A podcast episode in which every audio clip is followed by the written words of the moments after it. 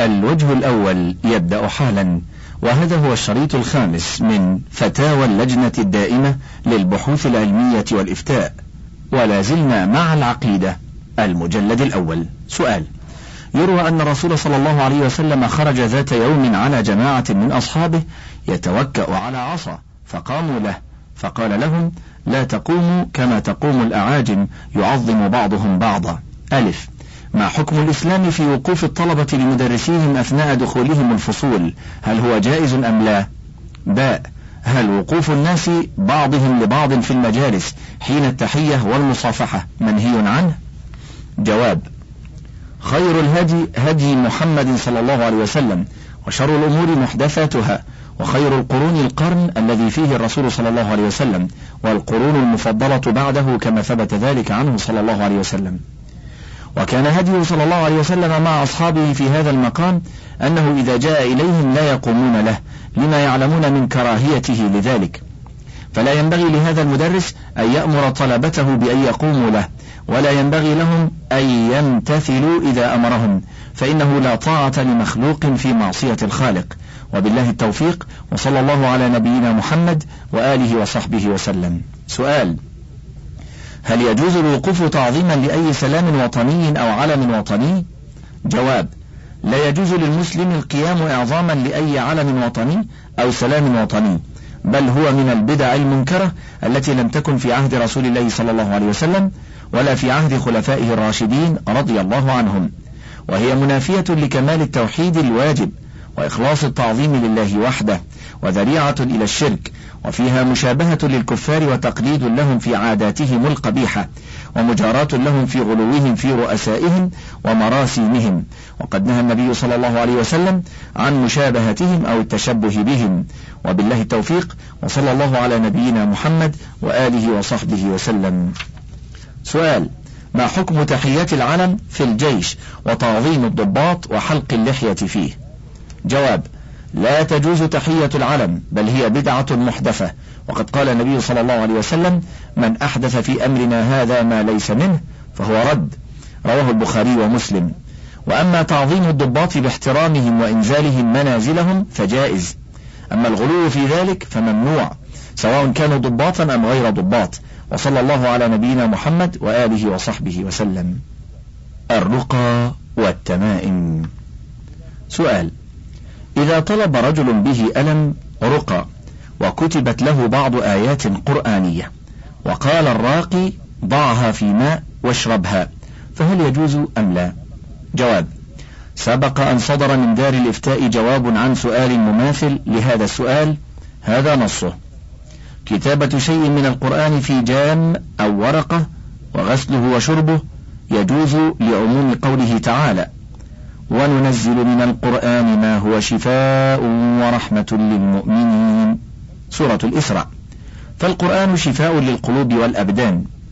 ولما رواه الحاكم في المستدرك وابن ماجة في السنن عن ابن مسعود رضي الله عنه أن النبي صلى الله عليه وسلم قال عليكم بالشفاءين العسل والقرآن. رواه الحاكم في المستدرك وغيره. وما رواه ابن ماجة عن علي رضي الله عنه عن النبي صلى الله عليه وسلم أنه قال خير الدواء القرآن. رواه ابن ماجه. وروى ابن السني عن ابن عباس رضي الله عنهما إذا عسر على المرأة ولادتها خذ إناء نظيفا فاكتب عليه. كأنهم يوم يرون ما يوعدون. الآية. وكأنهم يوم يرونها لم يلبثوا. الآية. و لقد كان في قصصهم عبرة لأولي الألباب. الآية. ثم يغسله وتسقى المرأة منه وينضح على بطنها وفي وجهها. وقال ابن القيم في زاد المعاد في الجزء الثالث الصفحة الواحدة والثمانين بعد الثلاثمائة.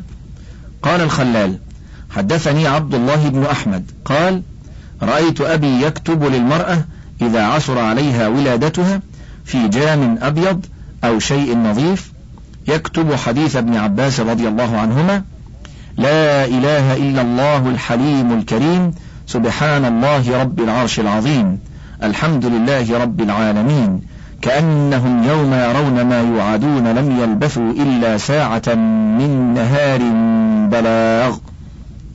وكأنهم يوم يرونها لم يلبثوا إلا عشية أو ضحاها. قال الخلال أنبأنا أبو بكر المروذي أن أبا عبد الله جاءه رجل فقال يا أبا عبد الله تكتب لامرأة عصرت عليها ولادتها منذ يومين. فقال قل له يجيء بجام واسع وزعفران ورأيته يكتب لغير واحد. وقال ابن القيم أيضا ورأى جماعة من السلف أن يكتب له الآيات من القرآن ثم يشربها. قال مجاهد لا بأس أن يكتب القرآن ويغسله ويسقيه المريض. ومثله عن أبي قلابة. انتهى كلام ابن القيم وصلى الله على سيدنا محمد وآله وصحبه وسلم. سؤال هل تلاوة سورة الإخلاص والمعوذتين والفاتحة للاستشفاء حرام أم حلال؟ وهل فعل ذلك الرسول عليه الصلاة والسلام أو أحد من السلف الصالح؟ أفيدونا. جواب. إن تلاوة سورة الإخلاص والمعوذتين والفاتحة وغير هذه السور من القرآن على المريض من الرقية الجائزة التي شرعها رسول الله صلى الله عليه وسلم بفعله وبإقراره لأصحابه. روى البخاري ومسلم في صحيحيهما من طريق معمر عن الزهري عن عروة عن عائشة رضي الله عنها أن النبي صلى الله عليه وسلم كان ينفث على نفسه في المرض الذي مات فيه بالمعوذات سورة الإخلاص والمعوذتين. فلما ثقل كنت أنفث عليه بهن وأمسح بيد نفسه لبركتها. قال معمر فسألت الزهري كيف ينفث؟ قال كان ينفث على يديه ثم يمسح بهما وجهه. رواه البخاري ومسلم وغيرهما. وروى البخاري عن طريق أبي سعيد الخدري رضي الله عنه أن أناسا من أصحاب النبي صلى الله عليه وسلم أتوا على حي من أحياء العرب فلم يقروهم فبينما هم كذلك إذ لدغ سيد أولئك. فقال هل معكم من دواء أوراق فقالوا إنكم لم تقرونا ولا نفعل حتى تجعلوا لنا جعلا. فجعلوا لهم قطيعا من الشاء فجعل يقرأ بأم القرآن ويجمع بزاقه ويتفل فبرأ. فأتوا بالشاء فقالوا لا نأخذه حتى نسأل النبي صلى الله عليه وسلم فسألوه فضحك وقال وما أدراك أنها رقية خذوها واضربوا لي بسهم. رواه البخاري ومسلم وغيرهما. ففي الحديث الأول قراءة النبي صلى الله عليه وسلم على نفسه بالمعوذات في مرضه وفي الثاني إقراره للصحابة على الرقية بالفاتحة. وصلى الله على نبينا محمد وآله وصحبه. سؤال.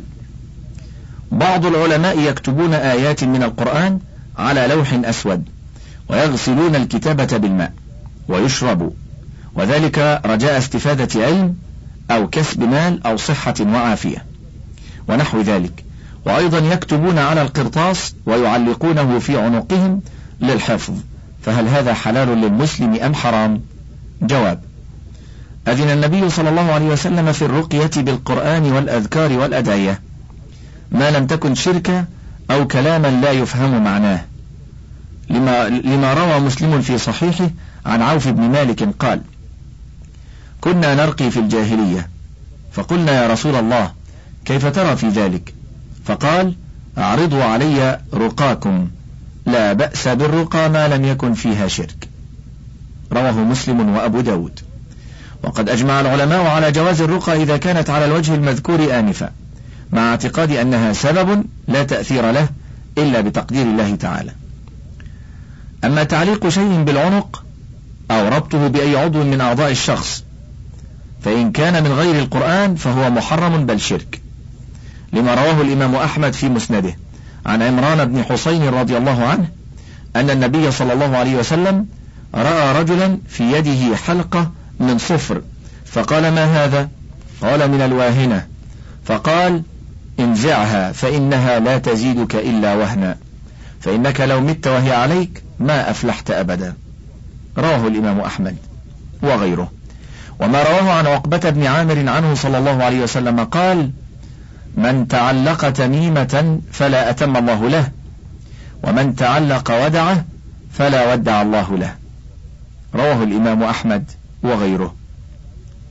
وفي رواية لأحمد أيضا من تعلق تميمة فقد أشرك. وما رواه أحمد وأبو داود عن ابن مسعود رضي الله عنه قال سمعت رسول الله صلى الله عليه وسلم يقول إن الرقى والتمائم والتولة شرك. رواه أحمد وأبو داود وغيرهما. وإن كان ما علقه من آيات القرآن فالصحيح أنه ممنوع أيضا لثلاثة أمور. الأول عموم أحاديث النهي عن تعليق التمائم ولا مخصص لها. الثاني سد الذريعة فإنه يفضي إلى تعليق ما ليس كذلك. الثالث أن ما علق من ذلك يكون عرضة للامتهان بحمله معه في حال قضاء الحاجة والاستنجاء والجماع. ونحو ذلك. وأما كتابة سورة أو آيات من القرآن في لوح أو طبق أو قرطاس وغسله بماء أو زعفران أو غيرهما وشرب تلك الغسلة رجاء البركة أو استفادة علم أو كسب مال أو صحة وعافية ونحو ذلك فلم يثبت عن النبي صلى الله عليه وسلم أنه فعله لنفسه أو غيره ولا أنه أذن فيه لأحد من أصحابه أو رخص فيه لأمته. مع وجود الدواعي التي تدعو إلى ذلك. ولم يثبت في أثر صحيح فيما علمنا عن أحد من الصحابة رضي الله عنهم أنه فعل ذلك أو رخص فيه. وعلى هذا فالأولى تركه وأن يستغنى عنه بما ثبت في الشريعة من الرقية بالقرآن وأسماء الله الحسنى وما صح من الأذكار والأدعية النبوية ونحوها مما يعرف معناه ولا شائبة للشرك فيه وليتقرب إلى الله بما شرع.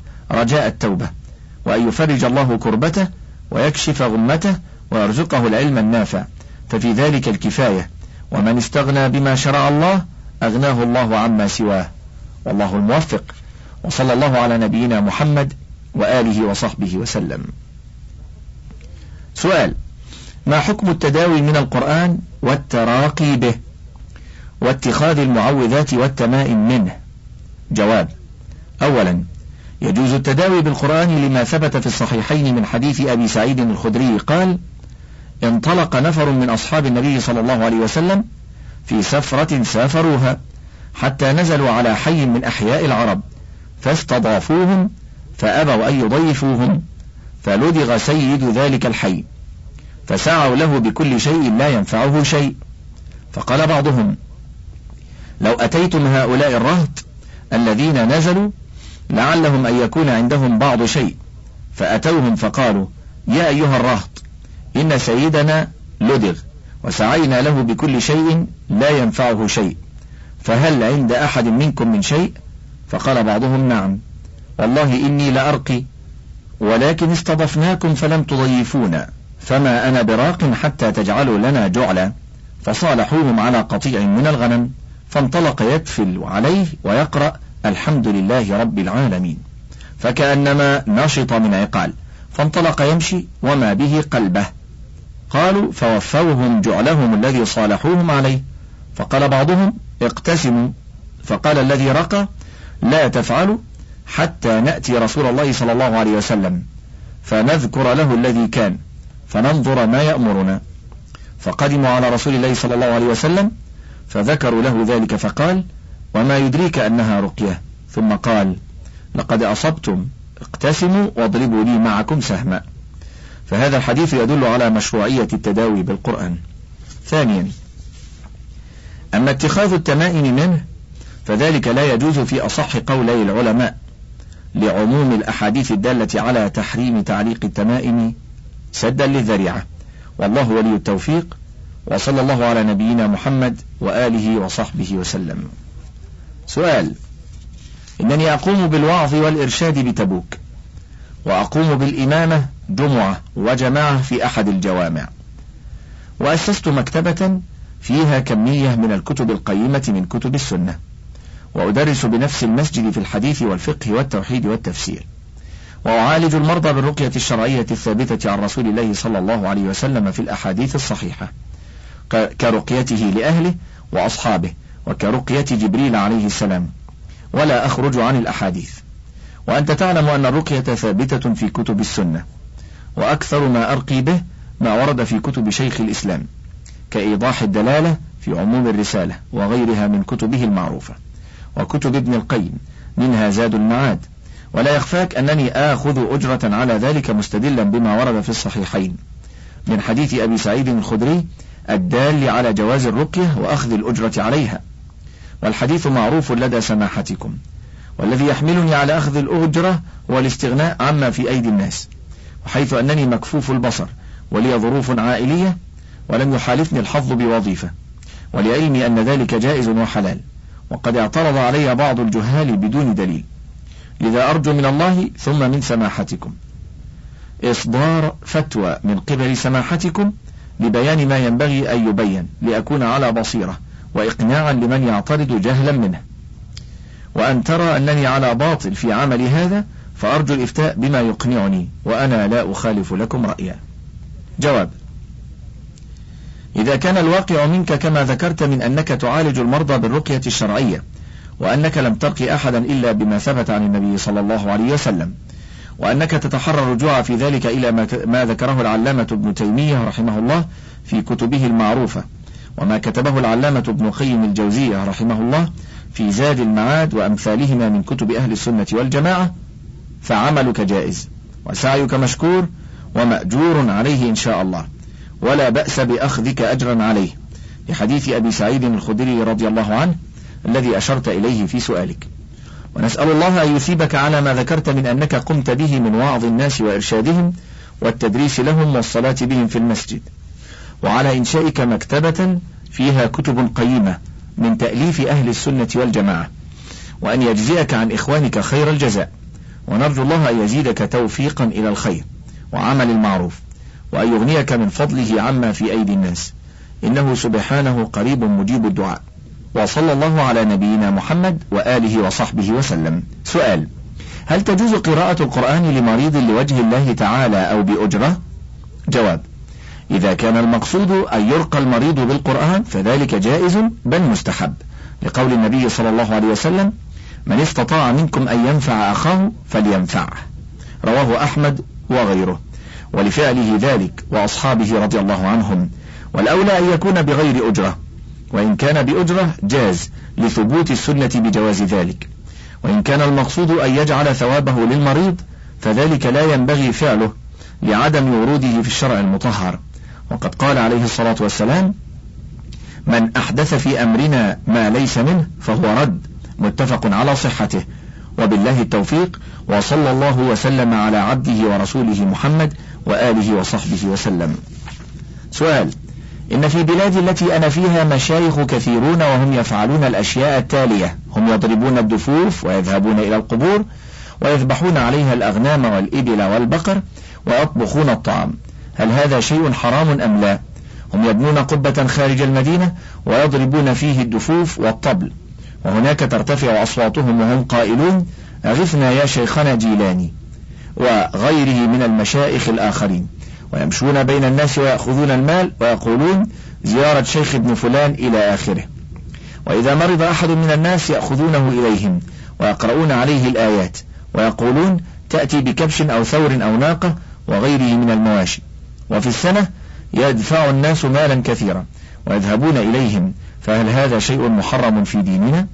جواب أولا لا يجوز ذبحهم للإبل والبقر والغنم ونحوها على القبور بل هو شرك يخرج من ملة الإسلام إذا قصدوا التقرب إليها رجاء بركتها لأن التقرب بذلك لا يكون إلا لله قال تعالى قل إن صلاتي ونسكي ومحياي ومماتي لله رب العالمين لا شريك له وبذلك أمرت وأنا أول المسلمين. سورة الأنعام. وكذلك لا يجوز الضرب بالدفوف للرجال مطلقا ويجوز الضرب عليها للنساء في النكاح لإعلانه. ثانيا الاستغاثة بالأموات والغائبين من الأحياء من جن وملائكة وإنس. دعاؤهم لجلب نفع أو دفع ضر شرك أكبر يخرج من الملة. قال الله تعالى ولا تدع من دون الله ما لا ينفعك ولا يضرك. فإن فعلت فإنك إذا من الظالمين. وإن يمسسك الله بضر فلا كاشف له إلا هو. وإن يردك بخير فلا راد لفضله. يصيب به من يشاء من عباده. سورة يونس. وأما الضرب على الطبول فلا يجوز لا للرجال ولا للنساء. ثالثا. زيارة مشايخ الطرق الصوفية لمريديهم لأخذ أموال منهم تسول وأكل للمال بالباطل وينبغي لمن يقدر على نصحهم والأخذ على أيديهم أن يقوم بذلك وأن يقوم بنصح المريدين حتى لا يدفعوا لهم الأموال إلا بحقها الشرعي. رابعا رقية المريض بقراءة القرآن والأذكار والدعوات النبوية الثابتة عنه عليه الصلاة والسلام مشروعة. أما الذهاب إلى من ذكرت ليقرأ عليه أبياتا ويأمره بذبح كبش أو ثور مثلا فهذا لا يجوز لأن ذلك رقية بدعية وأكل للمال بالباطل وقد يكون شركا إذا ذبح ما ذكر للجن أو للأموات ونحو ذلك لدفع شر أو جلب نفع منهم. حاشية ينظر باب الذبح لغير الله والرقية والصوفية ونشرت هنا لمزيد الفائدة. انتهى. سؤال. ما حكم كتابة شيء من آيات القرآن الكريم وشربها؟ فإني رأيت أناسا يفعلون ذلك. لم يثبت شيء من ذلك عن النبي صلى الله عليه وسلم ولا عن خلفائه الراشدين ولا سائر صحابته رضي الله عنهم. فتركها أولى والله أعلم. وصلى الله على نبينا محمد وآله وصحبه وسلم. سؤال أفيد سماحتكم أنني تزوجت بفتاة يتيمة الأم غير متعلمة وذلك في عيد الفطر من عام ثلاثة وأربعمائة وألف هجرية. وفي بداية شهر ذي الحجة أصابها مرض نفسي عبارة عن بكاء ونحيب ويرتفع أحيانا إلى صراخ وعويل. فأخذها والدها إلى منزله وأحضر لها كاهنا لمعالجتها. فعالجها بالدخائن المنتنة وأمر بحبسها طوال شهر في شهر محرم في غرفة مظلمة ويسمون هذا العلاج الحجبة وقد حدث هذا دون أخذ موافقتي فشفيت وبقيت في بيت أهلها شهري صفر وربيع الأول فعادت إلى منزلي في بداية شهر ربيع الثاني فعاد إليها المرض نفسه والآن أقوم بمعالجتها عند طبيب أخصائي نفسي يعالجها بالقرآن والأدعية المأثورة بالإضافة إلى العلاجات الأخرى. ولكن أهلها غير مقتنعين ويريدون علاجها لدى أحد الكهنة. وقد منعني أهلها من قراءة القرآن عليها إذا أصابتها النوبة لأن الكاهن أخبرهم بأنني أنا السبب في زيادة مرضها لأنني قرأت عليها المعوذتين وآية الكرسي. فما هو الموقف الذي يجب أن أتخذه إذا عرضها والدها على كاهن آخر؟ أرجو مساعدتي بالرد في أسرع وقت. جواب أحسنت بعلاجها بقراءة القرآن عليها ورقيتها بالأدعية النبوية المأثورة لكن يحرم خلوة الأجنبي الذي يرقيها بها ويحرم عليها أن تكشف شيئا من عورتها أمامه أو يضع يده عليها. ولو توليت علاجها بذلك أو تولاه أحد محارمها كان أحوط. ونرى أن تعالجها أيضا بالمستشفى ونحوه عند طبيب الأمراض النفسية فإنه متخصص في علاج هذا المرض. أما عرضها على الكهان والذهاب بها إليهم للعلاج فممنوع لقول النبي صلى الله عليه وسلم من أتى عرافا فسأله عن شيء لم تقبل له صلاة أربعين ليلة. رواه الإمام أحمد وعنده فصدقه بما يقول مكان فسأله عن شيء ويوما مكان ليلة.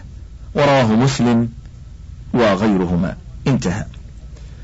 ولقوله صلى الله عليه وسلم من أتى كاهنا وصدقه بما يقول فقد كفر بما أنزل على محمد. رواه أحمد. وعنده زيادة أو عرافة وأبو داود وغيرهما. وفق الله الجميع لاتباع الحق والتمسك به وترك المخالفة. وصلى الله على نبينا محمد وآله وصحبه وسلم. سؤال ما حكم الدين في الذين يقرؤون على الناس بآيات الله الكريمة؟ وبعضهم يحضرون ويشهدون الجن ويتعهدونهم بعدم التعرض للشخص الذي يقرأ عليه هؤلاء. جواب رقية المسلم أخاه بقراءة القرآن عليه مشروعة وقد أذن النبي صلى الله عليه وسلم في الرقية ما لم تكن شركا أما من يستخدم الجن ويشهدهم ويأخذ عليهم العهد ألا يمسوا هذا الشخص الذي قرئ عليه القرآن ولا يتعرض له بسوء؟ فلا يجوز. وصلى الله على نبينا محمد وآله وصحبه وسلم. سؤال. يوجد أدعية يقال إنها ضد العقرب.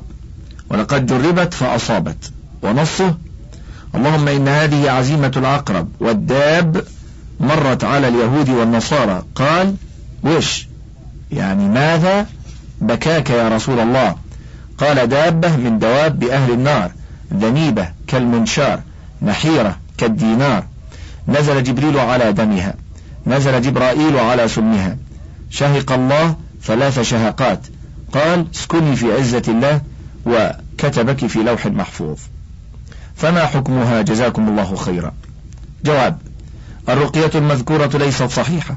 والصحيح هو ما كان بالقرآن والأدعية الثابتة في الأحاديث الصحيحة كرقية أبي سعيد الخدري للكافر بسورة الفاتحة. رواه البخاري. ولا يجوز استعمال هذه الرقية بل يجب تركها والتحذير منها. وبالله التوفيق وصلى الله على نبينا محمد وآله وصحبه وسلم. سؤال ما حكم الرقية بالقرآن وبالأذكار والدعوات الثابتة عن النبي صلى الله عليه وسلم؟ جواب تجوز الرقية بالقرآن وبالأذكار والدعوات الثابتة عن النبي صلى الله عليه وسلم للحفظ والوقاية ولدفع ما أصيب به الإنسان من الأمراض مثل تلاوة آية الكرسي وسورة الفاتحة وقل هو الله أحد والمعوذتين ومثل أذهب الباس رب الناس اشف أنت الشافي لا شفاء إلا شفاؤك شفاء لا يغادر سقما. رواه البخاري ومسلم وغيرهما. ومثل وأعيذك بكلمات الله التامة من كل شيطان وهامة ومن كل عين لامة ونحو ذلك. وصلى الله على نبينا محمد وآله وصحبه وسلم. سؤال تقدم المدعو فلان لإمارة منطقة الرياض للسماح له ببيع الرقى والعزائم في السوق وأن هيئة الأمر بالمعروف والنهي عن المنكر طلبت منه الحصول على تصريح من الإمارة. وقد رفعت إلينا الإمارة باقتراح إعطاء التصاريح من سماحتكم بعد الاقتناع من الشخص طالب التصريح وعمل الضوابط والقواعد التي تحمي المواطنين من الاستغلال. آمل موافاتنا بمرئياتكم في هذا الشأن وإمكانية منح التصاريح لمن تتوافر فيهم الشروط التي يتم وضعها في هذا الشأن ولسماحتكم تحياتنا. جواب سبق أن صدر فتوى في حكم كتابة قرآن أو أذكار نبوية أو نحوها في ورق أو طبق مثلا ثم محوها بماء ونحوه ليشربه المريض أملا في الشفاء من مرضه. وأنه لم يثبت عن النبي صلى الله عليه وسلم ولا عن الخلفاء الراشدين ولا الصحابة رضي الله عنهم فيما نعلم أنهم فعلوا ذلك. والخير كل الخير في اتباع هديه صلى الله عليه وسلم وهدي خلفائه وما كان عليه سائر أصحابه رضي الله عنهم. وفيما يلي نص الفتوى. أذن النبي صلى الله عليه وسلم في الرقية بالقرآن والأذكار والأدعية ما لم تكن شركا أو كلاما لا يفهم معناه. لما روى مسلم في صحيحه عن عوف بن مالك قال كنا نرقي في الجاهلية فقلنا يا رسول الله كيف ترى في ذلك؟ فقال أعرضوا علي رقاكم. لا بأس بالرقى ما لم تكن شركا. وقد أجمع العلماء على جواز الرقى إذا كانت على الوجه المذكور آنفا مع اعتقاد أنها سبب لا تأثير له إلا بتقدير الله تعالى. أما تعليق شيء بالعنق أو ربطه بأي عضو من أعضاء الشخص فإن كان من غير القرآن فهو محرم بل شرك. لما رواه الإمام أحمد في مسنده عن عمران بن حسين رضي الله عنه أن النبي صلى الله عليه وسلم رأى رجلا في يده حلقة من صفر. فقال ما هذا؟ قال من الواهنة. فقال انزعها فإنها لا تزيدك إلا وهنا. فإنك لو مت وهي عليك ما أفلحت أبدا.